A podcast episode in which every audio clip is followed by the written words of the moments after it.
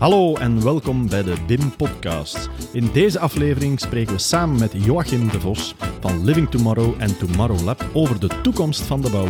We hebben het over digitalisatie, innovatie en nog veel meer. Hallo, dag Joachim. Goedemorgen. Goedemorgen. Bedankt in ieder geval om in de BIM-podcasts uh, aanwezig te zijn. Het is niet makkelijk om u voor de buis te krijgen, zal ik zeggen, of, of, of voor, de, voor de micro. Maar ik heb eens opzoek, op, opzoekingswerk gedaan en ik zie dat jij ingenieur elektronica bent. Uh, via je thesis uh, oprichting van innovatieve ondersteunende diensten wat later Tomorrow Lab is geworden. Uh, 1995 Living Tomorrow gestart, vestiging in Amsterdam en Brussel, professor in scenarioplanning, manager of managing partner vanaf nu van Living Tomorrow en mhm. schrijver van het boek, wat hier achter mij staat, uh, Why Innovation Fails. Klopt. Joachim, heb jij nog tijd? er is zoveel tijd in je leven als je wil. Dus ah, uh, okay, met, de toekomst bezig zijn is mijn passie. Dus, ah. Ja. Want um, boegbeeld, guru, voorloper, visionair. Wat is hm. jouw... Allee, er zijn heel wat namen die op jou geplakt worden. Um, hoe zou je jezelf noemen? Of... Uh, guru en visionair, dat hoor ik niet graag. Want je ah. bent gewoon vanuit passie met, met toekomst bezig. En ja. Ja. Um, niemand heeft de wijsheid in pacht. Uh, ik denk dat dat een, een gevaarlijk statement is naar morgen toe, want we leven in tijden die nog nooit zo veranderlijk geweest zijn. Wat ik op zijn minst, en ik denk dat wij dat bij uitstek in, in heel onze organisatie proberen te doen, is ogen, oren open, uh, proberen zoveel mogelijk verkennen in verschillende sectoren van wat beweegt er, wat leeft er. En dan moet je dat proberen synthetiseren en vertaal je dat naar praktische inzichten voor uh, bedrijven, overheden, steden, gemeentes. Ja, en daar leer je ontzettend veel uit. Want, ja, want als ik het goed begrijp, uh, jij schrikt niet snel van als er nieuwe technologieën opduiken. Uh, ik heb in je boek gelezen dat je een soort van voorspelling zou kunnen doen naar aanleiding van nieuwe technologieën die op de markt komen. Dat, dat, klopt. Een voorspelling is, een, is altijd een heel gevaarlijk woord in foresight. Hè. Uh, het is vooruitzien, zeg maar. Ja. En dat moet je doen op basis van scenario's. Maar het klopt. Uh, je hebt er straks verwezen naar mijn lang geleden ingenieurstudies. Uh, daar heb ik drie wetten van technologie uit meegenomen. Uh, Metcalfe's Law, Gilder's Law en Moore's Law. En die drie zijn eigenlijk mijn pad geweest. Een, een, een soort een lichtend pad in de laatste 25 jaar, waardoor ik toch vrij goed kon inschatten wanneer technologieën effectief zouden voldoende matuur zijn om toegepast te kunnen worden. En die drie wetten die zijn nog altijd geldend voor uh, de dag van vandaag? Of ja, dat klopt. Uh, Moore's Law kent iedereen. Hè. Dat is niet meer zozeer over het aantal transistoren, zoals die man, die brave man dat ooit als ingenieur uitgetekend heeft. Uh, ik, ik bekijk dan veel meer naar een verdubbeling van de processorkracht, van de rekenkracht hè, per twee jaar. Dat dus een exponentiële wet blijft. En die zal zeker de komende 20, 30 jaar verder doorgaan. Niet meer op basis van transistoren, maar op basis echt van artificiële intelligentie, van uh, quantum computing en dergelijke. Dus daar zijn we zeker niet aan het einde. Uh, de tweede wet, Gilder's Law, die gaat veel meer rond de bandbreedte, die nog eens veel sneller gaat dan Moore's Law. En dat is wel leuk in mijn boek, misschien heb je dat gelezen, heb ik van mijn allereerste modempje toen ik een goede 19, 18, 19 jaar was, tot vandaag de bandbreedte eigenlijk exact aan de hand daarvan kunnen voorspellen. Dat we vandaag aan 1 gigabit per seconde zitten, die je zelfs in een consumentenomgeving kan bereiken. En dan heb ik de voorspelling gedaan naar 2040, waar we eigenlijk in de terabit zullen zitten. En de vraag is, wat gaan we daarmee doen? Vandaag zien we dat niet in. Maar als je weet dat dat er zal zijn, dan kan je al gaan nadenken over de toepassingen die dat zal beweeg, uh, met zich meebrengen. En de laatste is Metcalf. Dat gaat over netwerken. Ik, ik zelf ben, ben ook uh, een millennial. Ik ben van 1987. Uh, ik heb het internet zien opkomen. Ik heb telefoons zien veranderen van een draaitelefoon naar een toetsentelefoon, naar de grote uh, blokken tot de smartphone. Dus ja, het gaat zeer snel. Ik ga even met een kwinkslag naar jullie innovatiecampus in Vilvoorde. zit je op schema? Uh, ondanks COVID en uh, ondanks een materialencrisis uh, zijn wij behoorlijk op schema. het ziet er naar uit dat we midden volgend jaar met de campus zullen openen. Ja, want ik ben gisteren naar jullie livestream gaan kijken van jullie gebouw. Um, zeer impressionant. Je kan ook de 3D virtuele tour doen. Um, Wauw. wat ga je er allemaal doen als het af is? Uh, nog veel meer 3D, hybrid en vooral ook zorgen dat er fantastische experience is rond de toekomst. Um, weet je, dat, dat start allemaal bij het feit waarom ik uh, iedere morgen opsta. En uh, ik herinner me als de dag van gisteren, 16 maart 95, dat was toen de allereerste Living Tomorrow geopend is. Toen had ik het geluk om Bill Gates bij mij te hebben.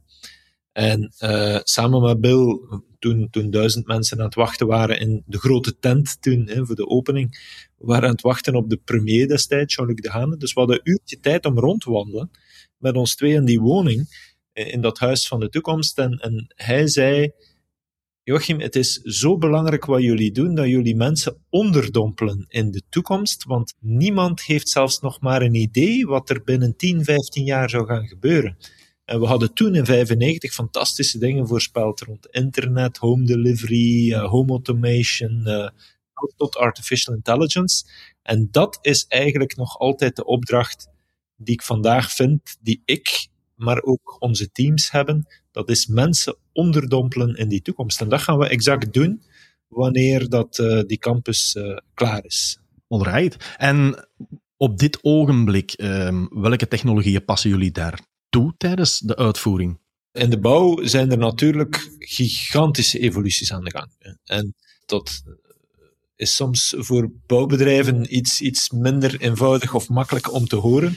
Maar als je in de laatste uh, twintig jaar de efficiëntie zeg maar, van uh, de productiviteit excuseer, van de bouwsector vergelijkt met bijvoorbeeld manufacturing uh, of, of, of, of in het algemeen met alle andere sectoren, dan hinken ze wat achterop. En dat komt omdat dat bouwproces nog altijd een groot stuk manueel gebeurt. We daar op handjes uh, moeten, moeten rekenen. Ik kom zelf uit de, uit de machinebouw uh, destijds. Uh, elf jaar geleden heb ik de, de stap gedaan naar de bouwsector. En ik schrok daar toch wel van. Um, en ik, ik wil niet, niet zeggen dat het um, achter, achtergesteld was, maar traditioneel zal ik het noemen. Aan wat zou dat liggen? Wel, uh, het, het juist toepassen van bepaalde technologieën. Weet je, het is een hele waardeketen waar je mee te maken hebt. Van zeg maar uh, het voorontwerp naar de architecten toe, naar effectief de aannemers toe, naar de onderaannemers. Alles moet op elkaar afgestemd zijn. En er zijn een aantal grote elementen waar we hier toch geprobeerd hebben in, in de bouwwerf van de toekomst om daar rekening mee te houden. Dus het, het volledig doortrekken van die BIM-modellen, toepassen van in beperkte mate uh, 3D-printing. Uh, zeker het hele verhaal van IoT, AR, VR. Uh, bij ons zijn geen fysieke plannen meer op de werf aanwezig. Alles is uh, via het BIM-model gekoppeld aan ehm, virtual reality, augmented reality, mixed reality. Uiteraard alles digitaal. en de hele werf wordt zo opgevolgd. Ja, want ik had gezien dat jullie zowel jullie materialensensoren hebben als jullie uh, werkmannen en uh, machines. Die worden gemonitord. Uh, wat kan daar het grote voordeel van zijn? Wel, uh, een van de belangrijke dingen is dat je natuurlijk het, het hele stadium, het opvolgen van de werf op eender welk moment, dat je dat digitaliseert. En zelfs aan de hand van een aantal intelligente camera's die wij uh, rond en in de werf hangen hebben, kunnen wij kijken van doen er zich bepaalde situaties voor, gevaarlijke situaties, hoe zit het met de, met de progressie. Um, en uiteraard ga je dat dan gaan koppelen aan het planningsproject. Hè, waar je dus iedereen, want dat is een kluwe natuurlijk, dat weet, dat weet je even goed als, als, als ik, dat uh, het is een kluwen van mensen die toch nog altijd op die werf aanwezig moeten zijn. Het werk gebeurt helaas nog niet allemaal door robots. Um, een, een, bouwwerf blijft nog altijd een, een heel sterke investering in mensen en in kennis en in afstemming tussen elkaar. En dat gaat een heel pak efficiënter door dat doortrekken van dat BIM-model. Niet alleen meer als louter architecturale tool, want zo is het gestart, maar ook als projectplanning, als economische planning, als opvolg, als onderhoud, preventief, uh, noem maar op. Heel dat, dat verhaal, dat zijn die, die BIM, uh, ja, start van 3, 4, 5, 6, 7, 8, al die verschillende lagen, uh, hebben wij geprobeerd maximaal toe te passen. Oké, en um, op het, van het ogenblik dat het gebouwd is, gaan jullie die kennis dan gaan delen met iedereen om de, om de bouwsector naar een hoger niveau te tillen? Of? Uh, uiteraard, hè. dus dat doen we nu al. We hebben een aantal open wervendagen gehad, waar wij toch wel een aantal duizenden mensen ontvangen hebben, maar vanaf nu eigenlijk uh, krijgen wij al heel wat aanvragen, want het is niet dat Living Tomorrow op dit moment dicht is. Integendeel, voor prof professionals en zeker uit de bouwsector, de designwereld en uh, ook manufacturing, uh, is het nu eigenlijk super interessant om op bezoek te komen, want we hebben heel veel van de toepassingen die vandaag soms al niet meer zichtbaar zijn op de werf, hebben we visibel opgesteld uh, in de rest van het gebouw en wordt dus uitleg gegeven over hoe we dat toepassen. Dat gaat zowel over slimme materialen die we toepassen, als over duurzaamheidsaspecten binnen in de bouw. De hele digitalisering van AR, VR, het BIM-model tot en met digital twin, uh, robots en exoskeletons die we gebruiken. Uh, natuurlijk, wat doen we met, met slimme constructie aan de hand van big data en het hele IoT-verhaal. Dus dat, uh, en drones. Spelen ook een belangrijke rol in de visualisatie van. Ja, ik had gezien dat jullie een platform, een landingsplatform hebben voorzien op jullie gebouw uh, van drones. Daar heb ik een andere podcast over gehoord, waarom dat dat is. ook voor de mensen zeker is te beluisteren. Maar um, dat brengt ons naadloos over. Ja, hoe zie jij de bouwsector evolueren de komende vijf tot tien jaar? Ja, er is een, er is een enorme uitdaging, zeg maar, in, in, in de bouwsector. Er zijn er eigenlijk twee. Als je kijkt naar de wereldwijde bouwindustrie, want ik wil mij nu niet alleen beperken tot, tot onze Belgische situatie, dan zijn er twee grote uitdagingen, namelijk het efficiëntieverhaal, hè, waar we het over gehad hebben. Hoe ga je dat toch, heel dat bouwproces, efficiënter gaan maken? Uh, en het tweede waar we voor staan, dat hangt samen met die uh, gigantische zesde innovatiewave die op ons afkomt, is duurzaamheid, is circulariteit.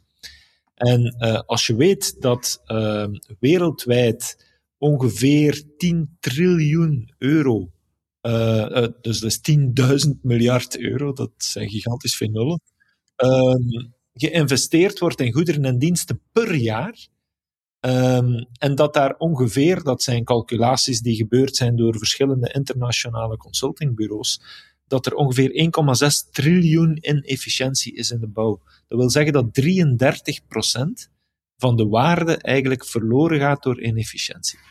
En um, ja, dat, dat komt zoals gezegd, dat is niet de schuld van, van of de aannemer of de architect, dat, dat is de hele keten die aan efficiëntie verliest doordat er nog te weinig gedigitaliseerd is.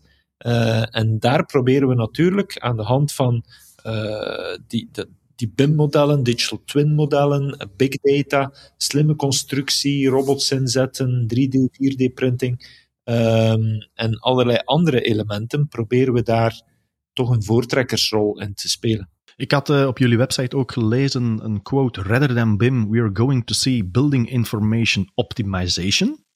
Hoe moeten we dat interpreteren? Dat heeft eigenlijk te zien met de toekomst. Um, ja, wat, wat else zou ik zeggen bij ons? Um, maar um, laat mij toe om dat toch eventjes goed te kaderen, want uh, anders begrijpt men dat niet en wordt dat een gadgetwoord. Maar als je, ik heb dat trouwens ook uitgelegd in mijn, in, in mijn boek, um, je hebt in de IT-wereld tot nu toe, laten we zeggen van rond de jaren 70 tot vandaag, drie grote golven. En die golven maken we mee in de gebouwen van morgen. De eerste golf, heel eenvoudig gezegd, was de interne digitalisering van bedrijven en processen. De tweede golf, met de komst van het internet, is het aansluiten van externe partijen en de interactie naar de buitenwereld. Eh, dat kan met weerberichten, sensoren en andere zijn via het internet. Tweede golf derde golf in de IT. En daar gebruik ik vaak het beeld van een smartphone, neem nu een iPhone of, of zelfs een Tesla-auto. Dat zijn niet altijd de beste producten die afgewerkt op de markt komen, maar ze worden beter naarmate ze gebruikt worden. Waarom? Ze bevatten zoveel sensoren dat ze eigenlijk voor de eerste keer in de geschiedenis informatie terugsturen real life naar het designproces. En dan krijg je over de air updates. Wel, die evolutie, die drie waves, die zien we in de bouwsector. De eerste wave, dat was ons eerste huis van de toekomst in 1995, dat was een geautomatiseerd gebouw, domotica. Tweede gebouw, daar neem ik bijvoorbeeld Living Tomorrow Amsterdam rond de jaren 2000. Dat was aangesloten met tientallen sensoren met de buitenwereld. We wisten welk weer het ging worden en we konden veel intelligenter bijvoorbeeld HVAC, Heating, Ventilation, Air Conditioning, gaan sturen. Nu staan we zeg maar aan uh, de start van wat we noemen de cognitive buildings. Dat zijn eigenlijk gebouwen die zeg maar um, ja, zeer erg intelligent aan de hand van duizenden sensoren in het gebouw het BIM-model die uitgebouwd is tot een digital twin. Aan de hand van al die IoT-sensoren krijg je een dynamisch geheel. Is een digital twin, is een digitale kopie van een fysiek gebouw die je virtueel hebt. Wel, aan de hand daarvan ga je allerlei simulaties gaan draaien. Ga je slimme contracten uh, aangaan met de buitenwereld. Daarover moeten we misschien nog iets meer hebben, want er gaat een echte revolutie zijn. Wel, die derde wave, er zijn nog zo weinig real estate bedrijven, um, ontwikkelaars, architectenbureaus, engineeringbureaus, uh, aannemers zijn daar zich eigenlijk vandaag nog niet van bewust dat we daar aan de vooravond van de revolutie staan. Ik, ik moet eigenlijk een, beetje lachen, want je hebt precies mijn vragen allemaal al op voorhand gekregen, maar, maar dat is ook niet. Want uh, ik zou ook eens graag willen weten hoe jij denkt, gebouwbeheerders of mensen die een groot patrimonium hebben, onderschatten die wat de toegevoegde waarde van die BIM en big data? Ja, absoluut. Um, ten eerste, dat komt natuurlijk omdat de echt mature platformen op dit moment nog maar zich daar rond aan vormen zijn. Je hebt het BIM-model, wat gestart is vanuit een statische vertaling van zeg maar de plannen naar een meer digitalisatieverhaal. Dat was de BIM 1 en 2, in twee dimensies. Uh, vanaf de derde dimensie of derde laag ga je daar veel meer informatie gaan toevoegen en dat wordt eigenlijk alsmaar rijker. We gaan daar ook de financiële data, de projectdata en dus zeg maar de planning wordt er allemaal aan toegevoegd tot en met het, het onderhoud, dat je weet van welke materialen zijn in het gebouw geïntegreerd geworden, hoe moet ik die gaan onderhouden uh, preventief, zodanig dat het gebouw, net zoals ik er straks zei, in vergelijking met die Tesla of die smartphone, naarmate dat gebouw gebruikt wordt, dat het gebouw eigenlijk waardevoller wordt. Dat is de bedoeling van een hele circulaire economie. Dat we niet meer denken van, ah ja, oké, we gaan snel iets bouwen, we geven het aan iemand anders, die leeft er wat in, uh, die woont het letterlijk uit en dan breken we het af en uh, voeren we het naar het stort en doen we weer iets nieuws. Die tijd is totaal voorbij. Straks blijven eigenlijk de aannemers en de leveranciers van grondstoffen eigenaar van de virgin materials. Vandaar dat je ook zei dat, de, eh, dat we moeten nadenken over die contractvorming. Over... Absoluut. Hè? Dus dat je daar moet op voorhand goed gaan inventariseren. Welke rijkdom zit er eigenlijk in dit gebouw en hoe kan ik ervoor zorgen dat deze materialen, dat die zo lang mogelijk meegaan en eigenlijk zo goed mogelijk blijven presteren. En dat wil zeggen dat gebouwen eigenaars, ja, dat ze zich veel beter zullen moeten gaan omringen met de juiste digitale tools om ervoor te zorgen dat ze dat allemaal mooi in uh, in, in, in dashboard hebben. Want het zal niet alleen een wettelijke verplichting zijn, zoals we nu al zien met de EPC-normen en andere, uh, maar het zal ook iets zijn, kwestie van rendement in je vastgoed. Als je vastgoed een hoge intelligentiewaarde zal hebben en zich daardoor via over-the-air updates en andere en predictief, preventief onderhoud uh, beter zal gedragen dan een ander gebouw, ja, dan gaat het op de markt ontzettend veel meer waard zijn dan een dom gebouw, die op de klassieke manier uh, gerealiseerd geworden is.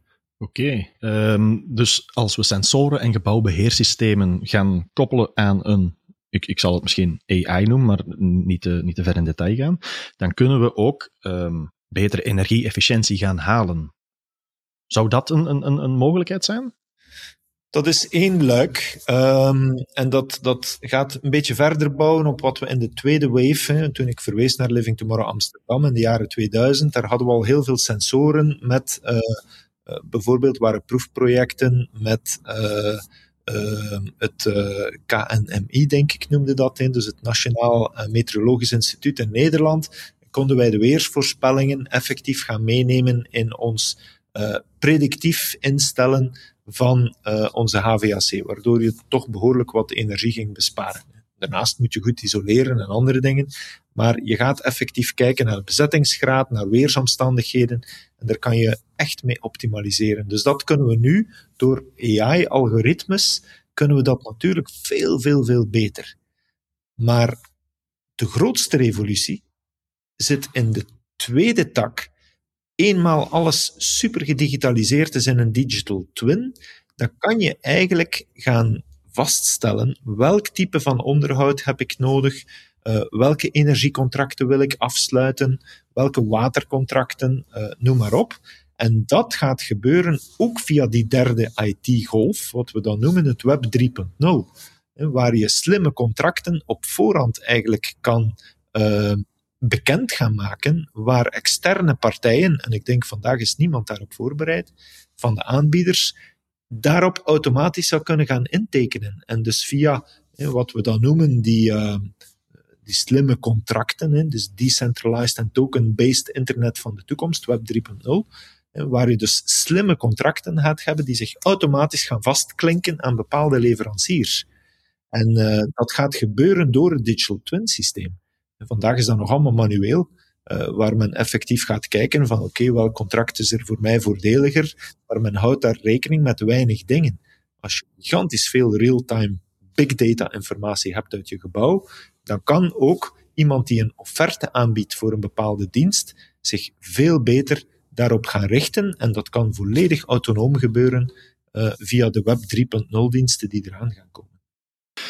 Um, een stelling, spenderen we de dag van vandaag niet te veel tijd uh, vanuit het verleden en het heden? Want hè, de bouwsector, we hebben heel wat gemerkt en we hebben uit ervaring zaken meegemaakt. Uh, hoe zouden we die mindset kunnen wijzigen? Ten eerste om te antwoorden op uw vraag, dat is bevestigend. Hè. We, we zijn algemeen met onze organisaties veel te veel bezig met vandaag en gisteren. En kan je dat mensen verwijten? Nee, dat kan je niet. Ik werk zelf in een organisatie die toch bijna al 100 mensen telt. Uh, dus ik weet wat het vergt om operationeel dagdagelijks bezig te zijn en te zorgen dat alles goed verloopt. Uh, dat is bijna 94% van de tijd. In het onderzoek staat trouwens ook in mijn boek. Uh, waar managers vandaag tijd aan spenderen. 6% gaat naar strategisch denken. Nu, het interessante van het onderzoek die ik vermeld in mijn boek is dat men dan gaan kijken is op tien jaar tijd, waar verliezen bedrijven dan effectief waarde wanneer het minder goed gaat? En dan blijkt dat helemaal niet in die 94% operations te liggen, maar eigenlijk in die amper 6% tijdstrategie. 86% van de reden waarom het minder goed gaat, is te wijten aan het strategisch foute dingen, foute keuzes gemaakt te hebben. Dus je moet meer met die toekomst bezig zijn. Dat is een sine qua non. Uh, en daarvoor moet je je organiseren, want dat is niet iets die je doet door te zeggen: ik ga eens uh, één keer om de veertien dagen een innovatievrijdag namiddag uh, organiseren. Dat moet structureler aangepakt worden. Dat heb je ook mooi beschreven in uh, je boek, Why Innovation Fails. Um, ik vond het een zeer leerrijk boek en ook herkenbaar. Uh, wat ik eruit goed onthouden heb, of wat heel herkenbaar was voor mij, ik heb vaak gefaald in het implementeren bijvoorbeeld van nieuwe software, maar ik ben er ook niet uh, rouwig om. Ik vind dat voor mij perfect geweest en ik vind het ook een leerproces. Stellen we de dingen vaak niet te rooskleurig voor? We zijn eigenlijk in onze cultuur wat gebiased naar succes. En uh, we keren ons af van failure. We willen niet geassocieerd worden met zaken die falen. En dat is heel typisch aan onze West-Europese cultuur. Uh, toen ik het boek publiceerde, dat is een heel mooie korte anekdote, uh, had ik de Amerikaanse uitvinder van de Kodak-camera uitgenodigd, Steve Sesson. Die is hier geweest een aantal dagen we hebben heel veel pers ontvangen toen, want eindelijk kwam dat verhaal van Kodak eens uh, tot zijn recht en werd dat verteld uh, wat, wat daar gebeurd is. De Europese journalisten zonder uitzondering, vroegen eigenlijk van waarom hebt je boek Why Innovation Fails genoemd? Want dat geeft toch een negatief karakter. Terwijl de paar uh, Amerikaanse interviews die we gehad hebben, zei men van we zijn zo blij dat zo'n boek eindelijk eens durft benoemen dat het faalt, want eindelijk gaan we iets leren. Want door succesverhalen uh, als case study naar voren te brengen, leer je meestal niks. Want uh, heel vaak schrijft men dat uiteindelijk toch toe aan, ja, we hebben goed gewerkt. We hebben het echt wel het buikgevoel gehad. Um, ja, en dat, dat is toch wel zeer kort door de bocht. We mogen, net zoals Elon Musk de eerste raket naar uh, Mars wou sturen, of, of naar, en die ontploften, laten zien dat we falen. Dat vind ik fantastisch. Hè? Ik bedoel, um, ik denk dat dat zowat de eerste persoon is die dat echt publiek op zo'n manier durft delen. En die daardoor ook een imago creëert van wij zijn een ongelooflijk trial-and-error bedrijf. Wij durven effectief dingen inzetten. Kijk maar naar wat, wat met autopilot gebeurt hè, bij de zelfrijdende Tesla. Ja, daar is gigantisch veel kritiek wereldwijd, maar eigenlijk statistisch gezien weten we zwart op wit, als de autopilot aangeschakeld is, dat er tot tien keer minder ongevallen gebeuren dan wanneer je zelf stuurt. En toch hebben we, vooral hier in het Westen, gigantisch veel kritiek dat men zoiets durft. Want dan zeggen we alleen een publieke beta. Dat is toch uh, onverantwoord. Maar dat heeft met onze mentaliteit te maken. Joachim, we zijn aan het einde van onze podcast. Ik ga hem niet te lang laten duren, want ik weet dat jij ook druk bezet bent. Wat ik vaak aan mijn gasten vraag is van ja, wat zou je nu als tip kunnen geven aan onze luisteraars? Een essentiële tip om uh, klaar te zijn voor de toekomst. Iets die ik heel graag aan herinner is um, aan ons eigen kindertijd. Mensen die kinderen hebben weten dat een kind, ik denk honderd keer per dag vraagt waarom. En wij doen dat niet meer. Naarmate je ouder wordt, vraag je dat gewoon niet meer. En openstaan, zeg maar, voor zaken die rondom je heen gebeuren, ik bedoel dan professioneel, maar kan ook privé zijn, en dan gaan nadenken van, maar waarom doen we dat eigenlijk zo? Of, um, en gewoon die vraag durven stellen uh, aan mensen die misschien het antwoord beter weten dan jezelf, dat is al, zeg maar, openstaan voor morgen, voor toekomst, voor nieuwe dingen. En dat geeft zo gigantisch veel inzichten uh, om het beter te doen naar de toekomst toe, of op zijn minst relevant te blijven, want dat is eigenlijk de definitie van innovatie. Je innoveert om te zorgen dat je relevant blijft morgen. Wel, dat is de allereerste goede stap. Dat is die waarom-vraag stellen, steeds weer opnieuw. Ja, oké. Okay. Nieuwsgierig blijven. Uh, Joachim, uh, ik vond het persoonlijk echt waar uh, een zeer inspirerend gesprek. Um, en ik zou u enorm willen bedanken. En ik hoor je nog en ik kom zeker nog eens naar jullie innovatiecampus als hem af is. Heel graag gedaan. Tot genoegen. Dit was de BIM-podcast voor deze week. Bedankt om te luisteren. Alle afleveringen over de BIM-podcast kan je terugvinden op Spotify en meer info over BIM kan je terugvinden op www.bimforum.be.